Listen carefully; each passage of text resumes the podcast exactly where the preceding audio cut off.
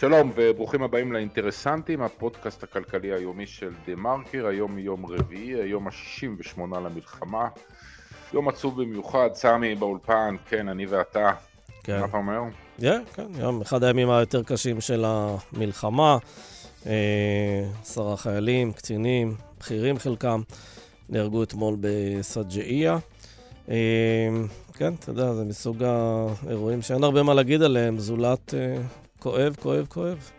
כואב, ולא משתפר, וכואב אפילו יותר, כי למדנו שדווקא אתמול, אחד הימים ש, שכמו שאמרת הוא אחד הקשים uh, במערכה בעזה, אז ראש הממשלה בנימין נתניהו, שאותו בן אדם שזועק שאסור לעסוק עכשיו בפוליטיקה, דווקא הוא מקיים בימים האחרונים פגישות פוליטיות, ככל הנראה כדי לחזק את שלטונו מצד אחד ולהתכונן לבחירות אפשריות מצד שני. אז נתניהו מסתבר קיים התייעצויות שדנו במסריו לציבור בנוגע להסכמי אוסלו, אותם אה, הסכמים ואותו אותם אמרות של נתניהו שבהן עסקנו כאן אתמול, וגם בהשארת אה, גדעון סער בממשלה לאחר פרישה עתידית אפשרית של בני גנץ. אנחנו נדבר עם הכתב הפרלמנטרי של הארץ, מיכאל האוזר טוב, שהביא את המידע הזה.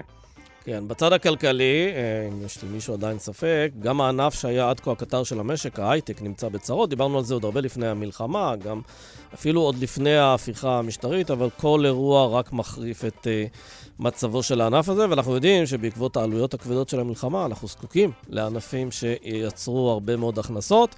אז uh, באמת uh, ראינו uh, בענף הזה צניחה במספר קרנות ההון סיכון הישראליות שהצליחו לגייס הון חדש. בתחום הזה, אם אתה לא מגייס, אז מתישהו הפעילות uh, נעצרת. והבעיה היא שקרן שלא מגייסת uh, כסף, uh, לא ממתינה לסוף המלחמה או לתקופה טובה יותר, היא פשוט נסגרת ונעלמת. הפרשן שלנו בענייני הייטק, עמרי זרחוביץ', יסביר את זה.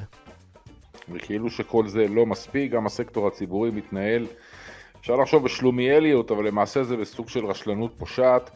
והנה דוגמה, מצד אחד שר האוצר בצלאל סמוטריץ' מוותר על הכנסות של 800 מיליון שקלים ממס סוכר שאותו הוא ביטל, היה דבר כזה קודם ועכשיו הוא ביטל את זה בפעם השנייה ברציפות.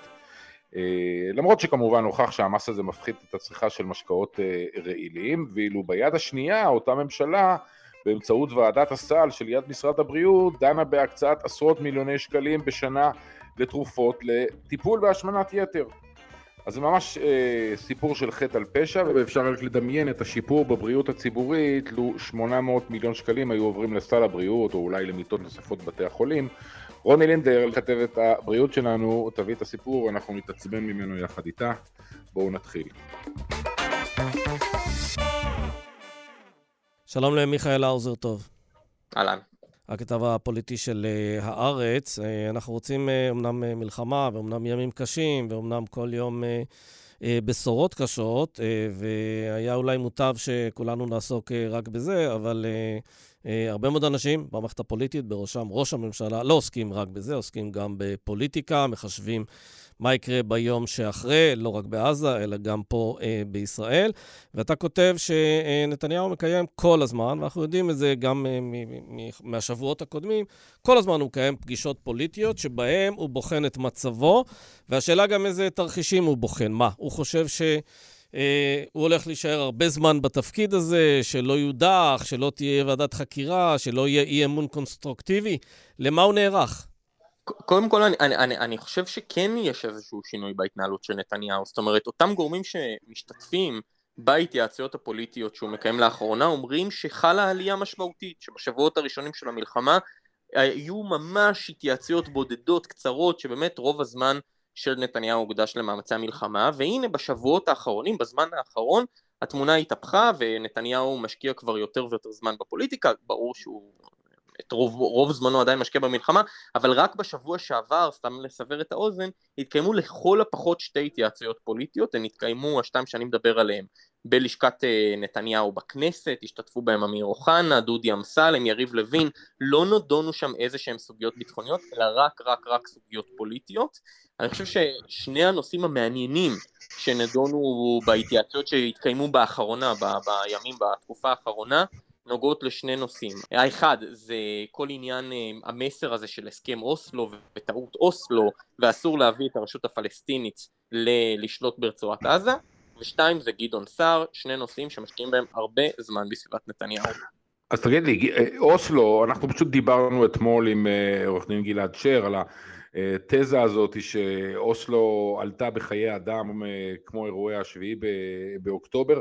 האם מסתבר שהם בונים על זה שהמילה אוסלו תהיה הפרס יחלק את ירושלים, אה, לוחסן, אה, אני לא יודע מה, הערבים אה, מגיעים לקלפים באוטובוסים של 2024. הם לא בונים יגידו, על זה. יגידו, האופוזיציה רוצה להחזיר לכם את אוסלו, וזה יהיה הקמפיין הבא. אתה, אתה מדבר בלשון עתיד, אני מדבר בלשון הווה. מי שפתח ערוץ 14, מי שפתח טוויטר וגלש אצל כל המשוגעים האלו, המפיצי הודעות המטורפים. לי, לי קשה, בגלל זה אני מדבר איתך. אז, אז אני אומר, זה, זה, זה כבר שם, ואגב גם לא מעכשיו, במובן הזה אני אפילו אגדיל ואגיד, אני חושב שנתניהו כאן במהלך תגובתי לבייס שלו, הבייס שלו כבר התחיל לדבר על אוסלו ועל ההתנתקות ב, בימים הראשונים, אולי לא בימים הראשונים, אבל אחרי כשבועיים מפרוץ המלחמה, נתניהו מצטרף לעגלה הזאת באיחור כלשהו, הוא מהמר על אה, מניה בטוחה. אה, אה, זה, זה מוכח שזה כבר עובד, שזה כבר תופס בבייס. בעצם יש פה, מיכאל, יש פה שני צירים שהוא עובד. הציר הראשון זה שהוא מאשים את ראשי הצבא והשב"כ, שכבר נטלו אחריות על האירוע הזה, ובאמת אסור לגרוע מאומה מהכישלון הצבאי החמור, הכישלון המודיעיני החמור.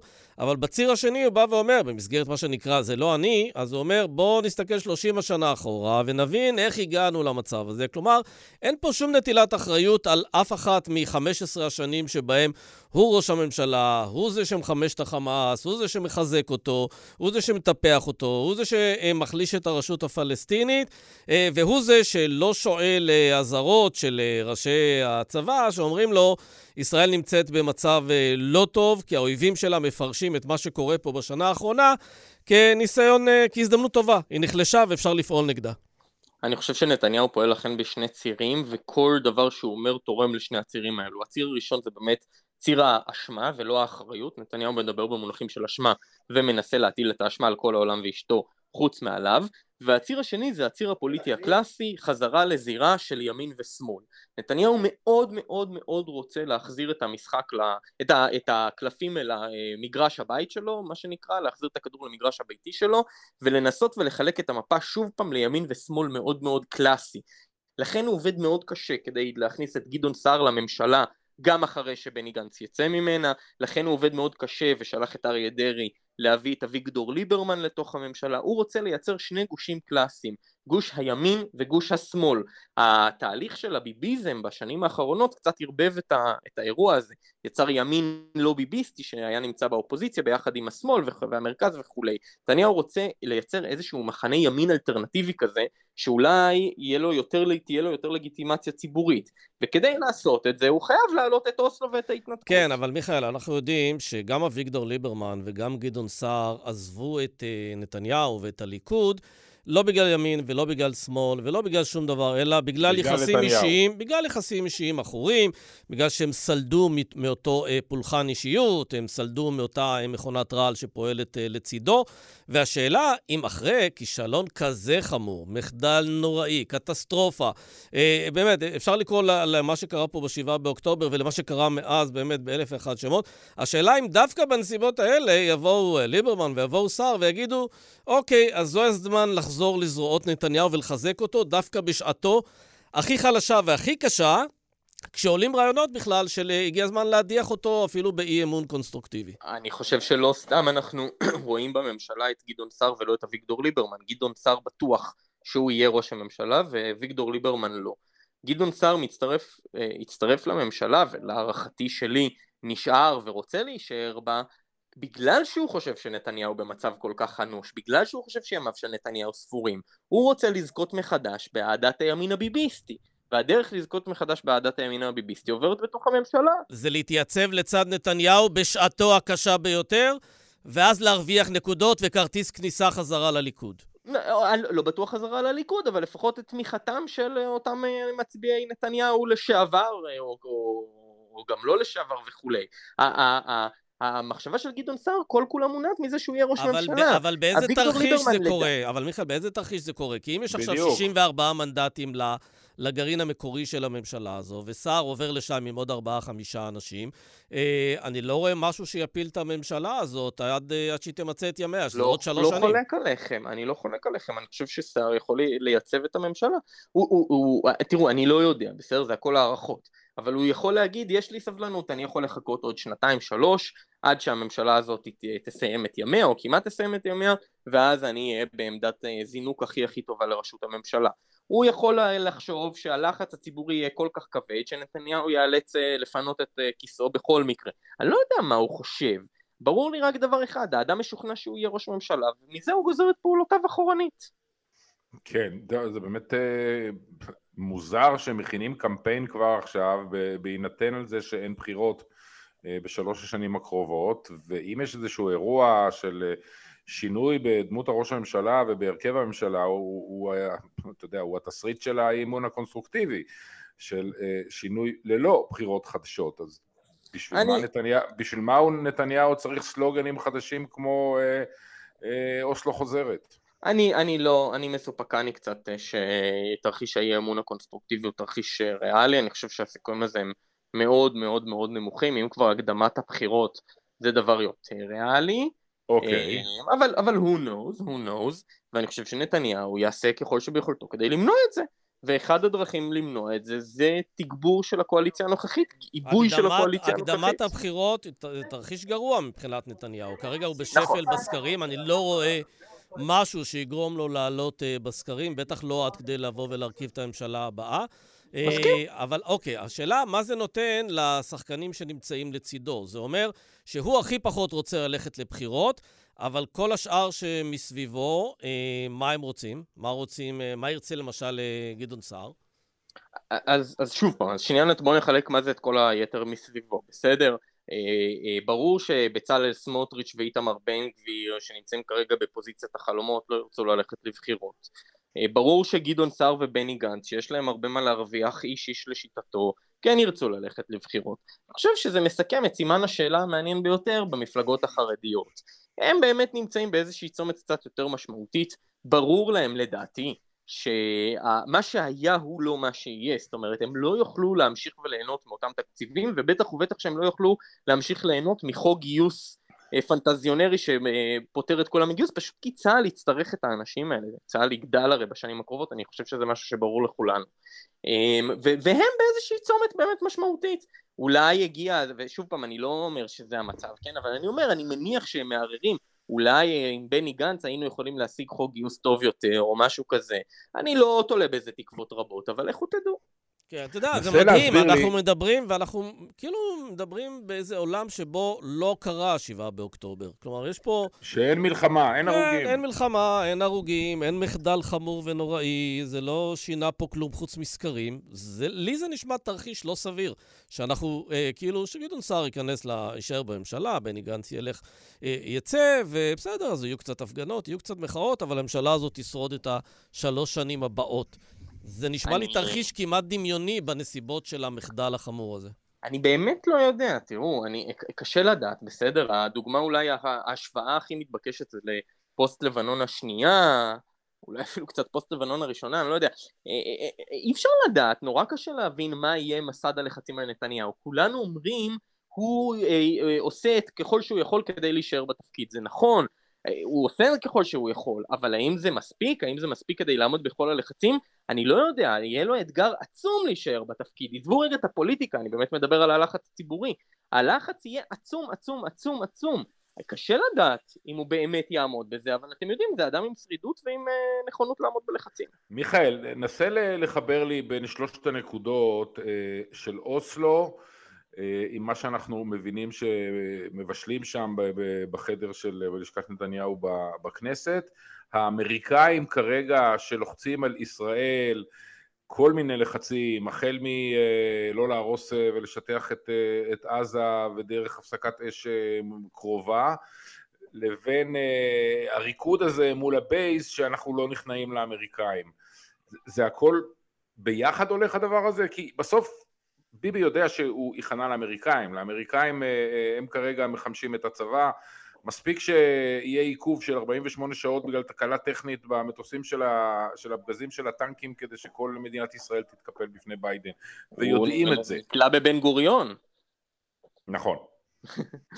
אמ, תראו, אני חושב שקודם כל ברור, כאילו בפוליטיקה הפשוטה מה שנקרא, שהעימות הזה מול ביידן הוא טוב בבייס של נתניהו, יש שיגידו שהוא גם טוב בבייס של ביידן. כן, אגב, לא לטעמי הוא ממש משחק לידיו של אה, נתניהו, כי נתניהו מחפש איזשהו נרטיב לחלץ מהמחדל החמור הזה, אה, ונת... וביידן, כשהוא לוחץ על אה, להביא את הרשות הפלסטינית לעזה, הוא מספק לנתניהו פתאום את היכולת לעשות שריר ולהגיד לא יקום, לא יהיה, ואז לנסות אני... להראות שהוא המנהיג שיבלום את הרעה הזו. אני, אני, אני באמת חושב שאם אנחנו רגע מקשיבים טוב טוב לאמריקאים אנחנו נשמע שני קולות. אנחנו נשמע קול אחד שאומר שצריך אה, להחליף את הממשלה או שעם ההרכב הנוכחי של הממשלה יש בעיה כמו שהבהירו אחר כך כתבי הבית הלבן היום בלילה את הציטוט של ביידן ואנחנו נשמע את ביידן אומר אה, כמה שעות לפני כן אני הנשיא הציוני, אני ציוני בכל ליבי ואנחנו נראה את משלוחי הנשק ממשיכים וממשיכים. אם אנחנו מנסים לקרוא את שני הקולות האלה ומה זה אומר ולמה האמריקאים מדברים ככה להערכתי העניין הוא לא זמן, הוא לא איזשהו מהלך כזה או מהלך אחר, העניין הוא אסטרטגיה. האמריקאים רוצים לדעת מה האסטרטגיה של ישראל בעזה, הם רוצים לדעת מה מה בישראל רוצים לראות ביום שאחרי. ברגע שנתניהו יבוא ויגיד, אני רוצה א', ב', ג', יהיה אפשר לגזור... הוא לא יודע שנתניהו בדרך כלל טוב בלהגיד מה הוא לא רוצה? ודאי, ודאי, ודאי, אבל אני מדבר רגע על מה האמריקאים רוצים, כן?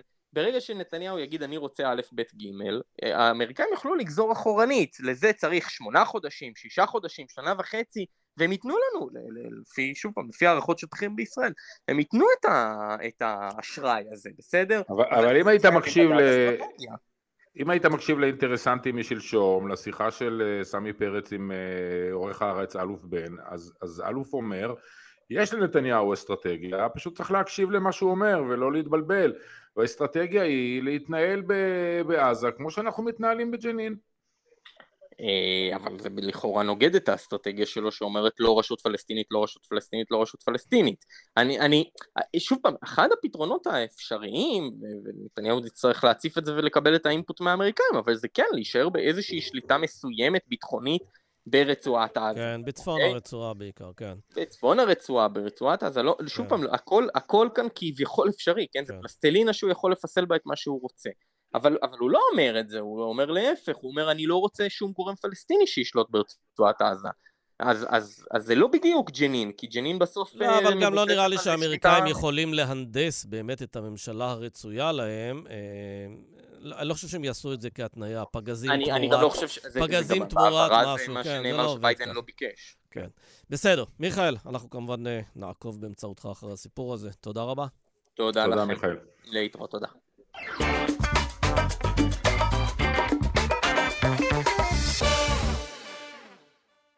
שלום לעמרי זרחוביץ'. אהלן. פרשננו לענייני הייטק, שוק ההון וכל מה שביניהם. אמ, הייטק היה הקטר של המשק בשנים האחרונות ואנחנו כולנו, אני חוזר על עצמי בעניין הזה, זה לא סוד, כולנו מלאי תקווה שהתלות המוגבלת שלו בשוק, ה, בשוק הכלכלי המקומי והעבודה שלו מול, מול חו"ל אה, תעניק לנו המשך אה, של, של הדבר הזה גם בשנה הקשה שאנחנו עוברים כרגע ושכנראה נעבור גם בשנה הבאה. אה, העניין הוא שזה לא כל כך מה שקורה, כי כל הזמן מתפרסמים נתונים ואנחנו רואים שכמעט בכל פרמטר יש נסיגה נוספת עוד לפני המלחמה בפעילות ובכספים שזורמים להייטק ואני רוצה את התמונה שלך עכשיו כי אתה בדקת מה קורה בקרנות הון סיכון במידה רבה הם, אה, איך נקרא לזה, מערכת הדם של אה, אומת הסטארט-אפ. אז אה, כן, בדקנו את, את מספר הקרנות החדשות, זאת אומרת גם קרן קיימת שמגייסת לקרן חדשה כדי להשקיע בסטארט-אפים וגם הסכום הכולל. צריך להגיד יש ירידה בכל העולם של המספרים האלה בגלל היציאה מהבועה. בישראל המספרים הם, הם, יותר, הם יותר עגומים.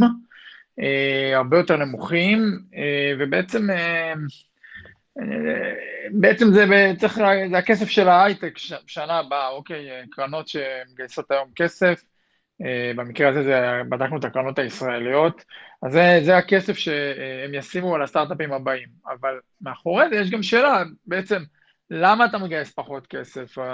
בעצם רוב הכסף של ההייטק הישראלי, ואומנם הוא לא תלוי במה שקורה במדינה, אבל הוא תלוי במה שקורה בחו"ל, ובאיך שרואים אותנו בישראל, ואם אתה צריך לגייס עכשיו כסף אמריקאי, אז אתה לא...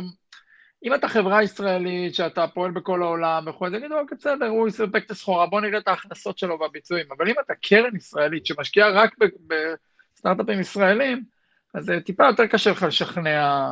אם אתה לוקח את 100% של הכסף שזרם אה, לישראל, נניח ב-2022, זו שנה שהייתה טובה, אה, כמה מזה היה קרן של, אה, כסף של קרנות הון סיכון ישראליות, וכמה מזה היה קרנות הון סיכון זרות, כי למיטב זיכרוני הן היו הדומיננטיות, רק שאני לא יודע אם זה 55 אני לא לא, אני לא יודע להגיד את הסכום, והאמת שגם צריך לעשות איזה ניתוח קצת יותר מעמיק, כי הסבבים הגדולים ורוב הכסף, הוא מגיע בסוף מהסבבים הגדולים, שזה באמת קרנות אמריקאיות.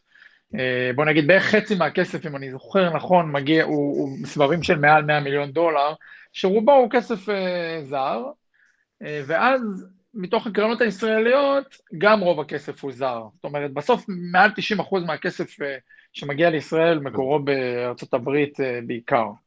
כן, עמרי, אבל תגיד לי משהו. אה, במשך הרבה מאוד שנים, ההייטק הצליח להתנהל כאיזה מין, לא יודע איך לקרוא לזה, טריטוריה, אוטונומיה, או איזה משהו עם כללי משחק משלו, גם בגלל שהכסף מגיע מחו"ל, גם בגלל שהמכירות הן בחו"ל, גם בגלל שהכל, הכל, אתה יודע, הוא בחו"ל, למעט הישיבה פה, נגיד, של מפתחים ושל חלק מההנהלות. ונשאלת השאלה, למה, למה בעצם האירועים הביטחוניים, האירועים המשפטיים וכדומה, הם כאלה שגורמים למשקיעים לבוא ולהגיד, אני פחות סומך על החבר'ה האלה שיושבים שם איפשהו בהרצליה. הם הרי עדיין. הם עדיין אותם כישרונות שהכרנו. יכול להיות שהם אפילו כישרונות גדולים יותר, כי הם חווים ומתנסים בדברים מאוד מאוד אה, אה, מורכבים פה בישראל. מה, מה, מהי הנקודה שבה הם אומרים, לא יודע, המדינה הזאת אמנם יש לה כישרון, אבל היא קצת משוגעת בשבילי. אז, אז קודם כל, בוא נחזור שנייה 20 שנה אחורה. אה, אנחנו הרבה זמן לא חווינו, המבצעים שהיו בעזה לא היו משמעותיים. הסבבים אה, קראנו להם, כן.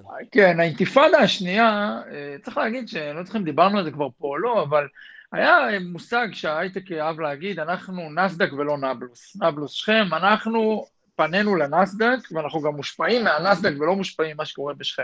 זה משפט שהם אמרו אותו באינתיפאדה השנייה, זאת אומרת... לא, רק צריך להגיד, להגיד, האינתיפאדה השנייה בתחילת שנות האלפיים קרתה במקביל למשבר הדוט קום, זה היה משבר כפול מבחינה, מבחינת הכלכלה הישראלית. זה מאוד דומה למה שקורה עכשיו, יצאנו מבועה, משבר כלכלי, ואז נכנסנו ללחימה ארוכה. אז, ו, וגם אז זה השפיע במרכז הארץ עם אוטובוסים מתפוצצים. בסדר, אבל הנסדק מתאוששת, וזה כבר לא אה, נבלוס, עכשיו זה ח'אן יונס, אה, מתפרקת, אז... אה. אני רק אומר, היינו, הרגשנו צורך להגיד את זה, זאת אומרת שפעם כן היו צריכים להסביר את הדבר הזה, זה נכון שההייטק הישראלי מאוד מאוד השתנה מאז, וקיבל הרבה יותר ביטחון ו, ובאמת השפעה, ועכשיו אני מגיע לשאלה שלך. אני בדיוק, אני אעשה ספוילר לטור של מחר, בדקתי את המניות של החברות הישראליות אה, בוול סטריט אה, בחודשיים האחרונים.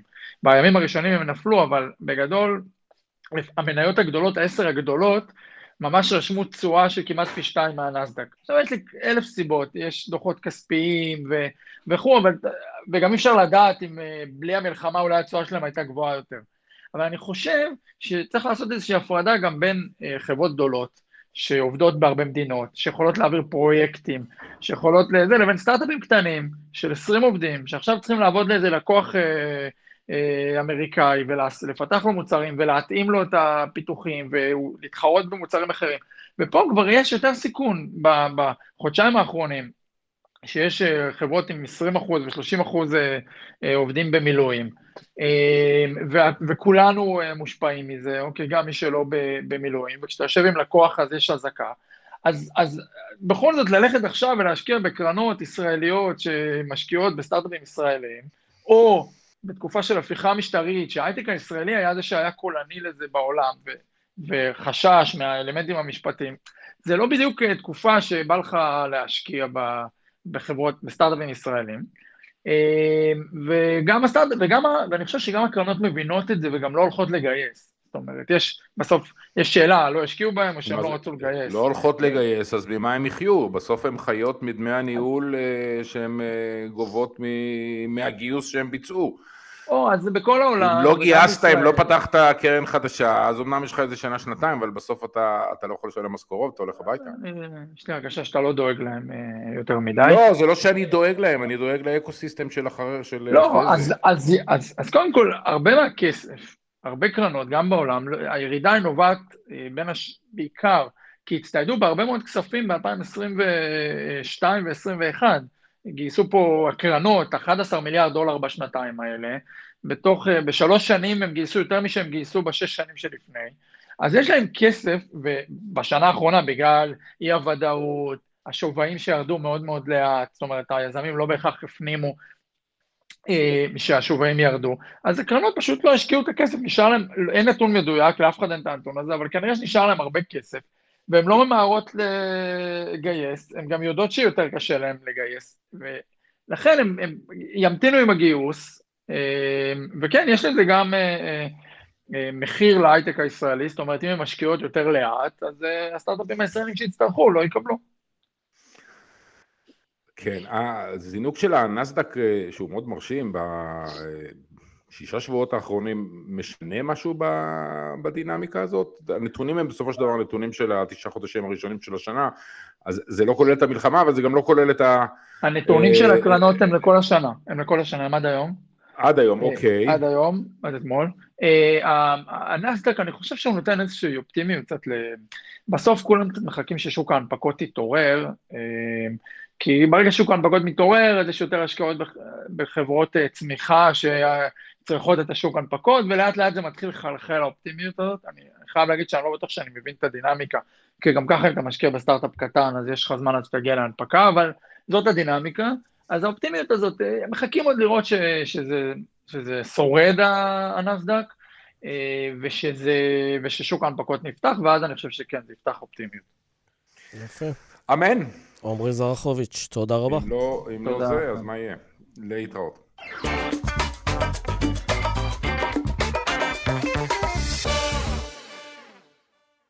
שלום לרוני לינדר. היי איתן, שלום סמי. אהלן. האמת שאני נורא עצבני, אבל אני, אה, אה, סמי ביקש ממני להירגע ולדבר בצורה... לא, לא, עצבני זה טוב. לך על עצבנות. אוקיי. נורא מעצבן אותי הסיפור שכתבת, זאת אומרת, לא הסיפור שלא, שאת כתבת, אלא כן. המהות עצמו, עצמה של בהתחלה זה נראה כמו שלומיאליות, אבל בעצם רשלנות פושעת של הממשלה. אני קוראת לזה ש... חטא על פשע, מה שעושים. חטא על פשע ב... אה, בריבוע, שמצד אחד, כמו שאנחנו יודעים, אחרי אה, פעם אחת שהוא עשה את זה, שר האוצר בצלאל סמוטריץ' שוב, מבטל אה, לתקופה נוספת את המס שהיה על משקאות מתוקיים, מס שהוא בריא וחוסך השמנה של ילדים, וגם מכניס לקופת המדינה 800 מיליון שקל, וביד השנייה נותנים עשרות מיליוני שקלים לתרופות נגד השמנה, אפשר להשתגע מזה, איך דבר כזה קורה ולא מכניסים את כולם לחדר אחד ואיך אומרים, דופקים להם את הראשים אחד בשני ואומרים להם תעשו מה שאתם רוצים אבל לא את השטויות האלה. תראה, זה, זה, לא, זה לא, האמת זה לא חטא על פשע, זה חטא על פשע על חטא על פשע. כן. כי ה, בעצם המס הזה מראש השיג את שני יעדיו בגדול. הוא גם הצליח להפחית משמעותית uh, צריכה של משקאות uh, מתוקים, שהוכחה כבאמת uh, אחד הגורמים המשמעותיים להשמנת ילדים ובכלל להשמנה. גם, בעיקר את, בחברה החרדית עשו ניתוח נפרד, אז שם עוד יותר האפקט היה גדול. אמ, מכיוון שהם יותר רגישים למחיר וכולי. ומהצד השני, הוא באמת הכניס לקופת המדינה קרוב ל-800 מיליון שקלים, שאנחנו יודעים כמה הם נחוצים, בטח עכשיו אה, בזמן המלחמה ובזמן הצרכים הכלכליים הכל כך גדולים. זה דבר אחד. ואז בעצם סמוטריץ' בא, וזה היה אחד הדברים הראשונים שהוא עשה כשר אוצר בממשלה החדשה, לקיים את הבטחת הבחירות הזאת אה, אה, של ש"ס. זה הייתה בעצם, זה היה אחד הטיקטים המרכזיים, אני לוקחת אותנו קצת אחורה, כן? כן, כן, להיסטוריה רחוקה של לפני שנה ו... כן. זו הייתה אחת מהבטחות הבחירות, זה נהיה ממש מלחמת דת, הדבר הזה, סביב המשקאות המתוקים, אה, למרות שזה מס שכל גורמי המקצוע המליצו עליו. באמת, סמוטריץ' בא והוא לא ניסה אפילו לשכנע, לא שידוע לנו, לא ניסה לשכנע את ש"ס... לא, זה הופיע בהסכמים הקואליציוניים. זה, נכון, זה אפילו ממש. כתוב שם, כן, אנחנו נבטל את מס הסוכר ברגע שנרכין את הממשלה, נבטל גם את המס על כלי פלסטיק חד פעמים. נכון, אבל במקרה הזה של המס הזה, זה באמת היה מין סמל לכל מה שלא מקצועי וכל מה שרע בעצם בשיטת התנהלות של הממשלה הזאת, מכיוון שהמס הזה הושת אחרי דיונים מקצועיים מאוד מאוד ארוכים ומעמיקים, והתבסס על השוואות בינלאומיות וכולי וכולי. אגב, ו- גם צריך להגיד שברגע. שהוא בוטל, גם אנחנו זוכרים את המראה של uh, אריה דרעי ושל עוד כמה חברים שלו, חוגגים את uh, ביטול המס הזה ואומרים, הלילה נחגוג עם שתייה מתוקה. כן, כאילו, ביבי... כאילו, אתה יודע, זה, אתה, כאילו, אתה יורה לעצמך ברגל וחוגג את זה, למה? כי, כי בעצם זה ביטלת מס של ליברמן הטיל. הם ראו בזה מלכתחילה... גזרות ליברמן. כן, גזרות ליברמן, הם ראו בזה מלכתחילה כאילו מיסים שנועדו להכאיב לחברה החרדית. ואתה שואל כל הזמן את עצמך, אז אולי מישהו פה נכשל, ואני יודע כמה כתבות עשית בעניין הזה, בהסברה הפשוטה, שכשאתה צורך הרבה סוכר, זה לא בריא, וזה, אה, וזה יגרום לך לתחלואה. אז התשובה היא שאני ולהשמנה. מתחלקת לשניים. קודם כל, זה לא שהם רצו נורא, אה, זה, זה נהיה סמל. הם מצאו פה משהו ש, שבאמת אה, מעולה היה, ממש תפס טוב במערכת, בקמפיין שלהם. הנה, ליברמן הרע, רוצה למנוע מהילדים שלנו את השתייה המתוקה בשבת, וזה ממש... שזה תפס מעולה. אז כאילו, זה לא שהם חיפשו את ה... אתה יודע, את ה... אה, לדעת את העובדות לאשורן. מצד שני, כן, כן, אני אומרת את זה בפה מלא, אה, משרד הבריאות, הממשלה, כש, ממשלת השינוי, שבעצם השיתה את המס הזה וקידמה אה, אותו, אה, למרות שזה מהלך שכבר התחיל, הרעיון הזה היה עוד הרבה קודם, בממשלת נתניהו הקודמת-קודמת, שזה עלה בוועדת, באותה ועדה שעשתה את המדבקות האדומות על המוצרים, גם אז דיברו על מס.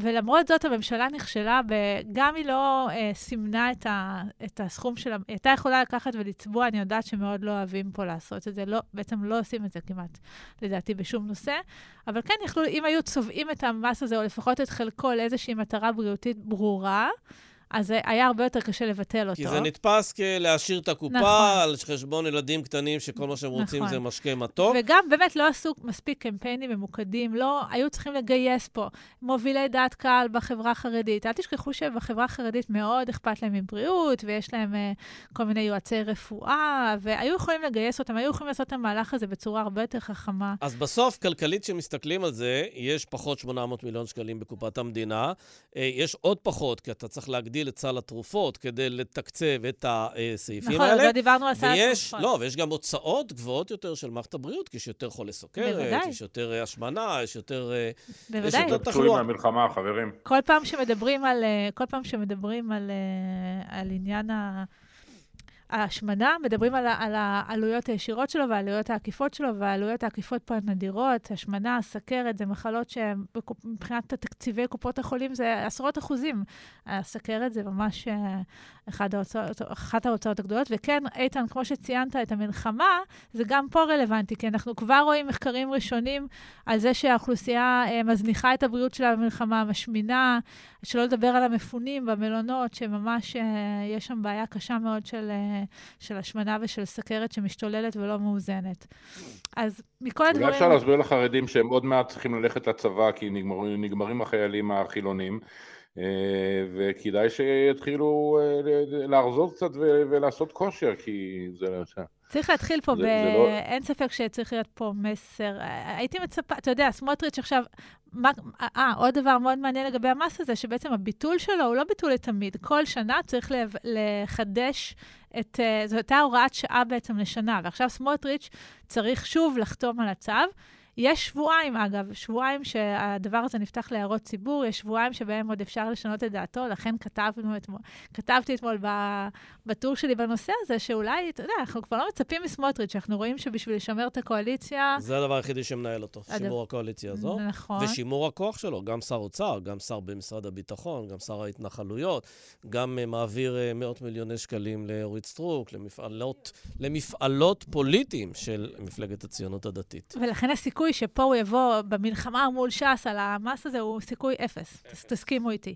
ולכן, אני, מה שאמרתי זה שאולי, אולי, אולי אני תמימה, אני כנראה די תמימה, אבל אולי זה שיושב עכשיו שר מש"ס, אוריאל בוסו, אה, במשרד הבריאות, אולי זה, אולי הישועה תבוא ממנו, אולי עכשיו כשהוא קיבל את השררה וקיבל את התפקיד ואת האחריות שלה, של, אה, שבאה איתו, אה, הוא יגיד, חברים, אה, יש פה בעיה של... אני חייב להגיד לך על זה משהו. תקשיבי, הייתה תקופה, תקופה די קצרה, שסמוטריץ' היה שר התחבורה. ואני זוכר ששיבחו אותו בענף. אה, למה שיבחו אותו? כי הוא הגיע בצורה עניינית, לא, לא עשה שום... אה, שום טעות בעצם במספר חודשים המועט שהיה שם, וכולם עפו עליו, וקטע של איזה יופי, שר מעולה וזה. וכשהוא מונה לשר, לשר, מונה לשר האוצר, אז אני זוכר שהיו גם דעות שאמרו, תשמע, נכון, הוא מגיע, הוא קיצוני, הוא משיחי וכולי, אבל ברגע שהוא יהיה שר האוצר, אנחנו נראה, יש לו התנהלות טובה, רצינית, איכותית, עניינים, טה-טה-טה. לא קרה, לא, לא קרה. לא קרה, אנחנו רואים כן. בדיוק שברגע האמת, כשיש דילמה, שרידות הממשלה או אה, טיפול בדברים שהם באמת קשורים לאינטרס הציבורי הרחב, הוא בוחר בשרידות הממשלה ובחיזוק המגזר שלו. זה מופיע בסדר עדיפות הרבה יותר גבוה מכל דבר אחר. אבל מה עם בוסו? אולי באמת בוסו וש"ס השאלה היא, יש שם את בר סימן, נכון. יש שם את בר סימן טוב, ויש שם uh, עוד אנשים. הם, הם לא יכולים זה... לשבת עם, uh, עם בוסו בשקט ו, וברצינות, להסביר לו את הטעות שלו, ולהגיד, בסדר, uh, הבטחתם את זה, סיפקתם את זה, אבל בואו למצוא איזה דרך, איזה דרך ביניים, גם לעשות את זה ככה וגם אה, לעשות את זה ככה, להגיד, אה, לגמרי. זה לא עולה יותר, אבל, אבל זה גם לא בריא. לגמרי, אתה מדבר על זה בצורה עניינית. הבעיה היא שכנראה אין שם התנהלות עניינית, ובאמת נזכיר את ועדת הסל, שיושבת עכשיו עם תקציב מאוד מוגבל, עם, אה, עם החלטות של משפט שלמה בין תרופות חשובות יותר וחשובות הרבה יותר, ו, ובאמת הם יושבים מול תרופות של טיפול בהשמנה, אחרי שהיא כבר קרתה, כשהמס הזה בעצם הוא הדרך, אין כמו מניעה. ובכל דבר בבריאות הציבור אין כמו מניעה, המס הזה הוא בא למנוע השמנה, אז מצד אחד מבטלים אותו, מצד שני הולכים להשקיע מהכספי ציבור אה, כנראה עשרות מיליונים בתרופות אה, להשמנת יתר. וזה האבסורד שאנחנו חיים בו. כן, אגב, אגב, אני את בוסו לא מכיר, אני לא יודע איזה מין איש ציבור, אבל uh, דווקא משה ארבל, שהפגין גישה עניינית, גישה מקצועית בכמה דברים, אז הוא היה לרגע שר הבריאות. הוא הספיק להתייחס לסוגיה הזאת, לא, לעסוק בה? לא, הוא מעולם לא התייחס אליה בקול רם. אה, זה, זה גם היה טרם זמנו, אה, כל הביטול של המס, ואם אני לא טועה. Uh, ולא, ואני חושבת שיש פה משהו מאוד חזק. באמת, בגלל שהם טיפסו פה על עץ כל כך גבוה בעניין הזה של המס, בקמפיין, יהיה להם קשה... כן, זה כבר הופך להיות סמל, ואז... אה, אם כי שוב, כן. מלחמה, אתם יודעים, אפשר לבוא ולהגיד, טוב, חברים, אנחנו בזמן מלחמה, הכל uh, עושים פריש-מיש, עושים ריסטארט, צריך את הכסף.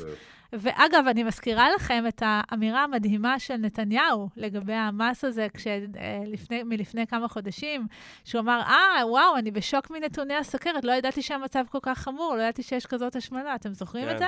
זה מה שנקרא חמק לו בצוק איתן, אולי כן. חמק לו עכשיו בחרבות ברזל. אז אה, זה, כן, זה המצב, זה, זה כן. רמת המקצועיות כן. שמנהלת כן. פה את ה... ואגב, עבר לי היום בראש, כשדיברנו לפני, ה... לפני התוכנית על הסיפור הזה של מס הסוכר, אז אה, את יודעת, אנחנו בעיצומה של מלחמה, באמת, אירוע מטלטל ושואב, ובאמת עם מנעד מאוד מאוד אה, חזק של אה, תחושות ורגשות, והרבה פעמים אנחנו כל כך נשאבים לזה, שאתה אומר, טוב, מה זה חשוב עכשיו מה סוכר, מה זה חשוב עכשיו זהות יהודית, מה זה חשוב עכשיו כל מיני סעיפים כאלה ואחרים.